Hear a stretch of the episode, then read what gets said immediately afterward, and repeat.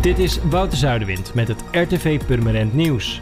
Wethouder Thijs Kroesen en directeur-bestuurder Stefan van Schaik van Wooncompany hebben gisteren de eerste paal van 70 nieuwe sociale huurwoningen in het Wagenweggebied geslagen.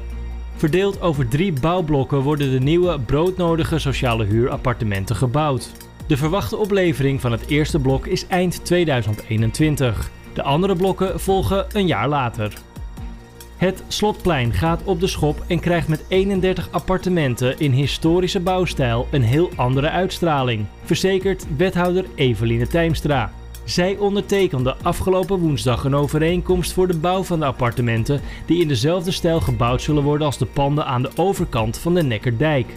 Omwonenden reageerden vorig jaar positief op de plannen van de gemeente, onder andere omdat de komst van de woningen niet betekent dat er parkeerplekken worden opgeofferd. Toekomstige bewoners moeten er rekening mee houden dat ze geen parkeervergunning krijgen. Naar verwachting start de bouw van de appartementen voor de bouwvak van 2021. De bouw zal ongeveer een jaar duren.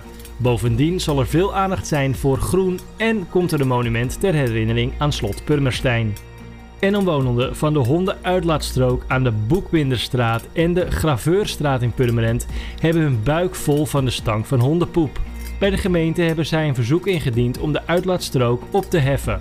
Het gaat om de bewoners die hun voortuin vlakbij de uitlaatplek hebben. Ze klagen niet alleen over stankoverlast, maar hebben ook last van vliegen. De komende weken mogen de andere bewoners van de buurt hun mening geven over het verzoek. Voor meer nieuws, kijk of luister je natuurlijk naar RTV Purmerend, volg ons op de socials of ga je naar rtvpurmerend.nl.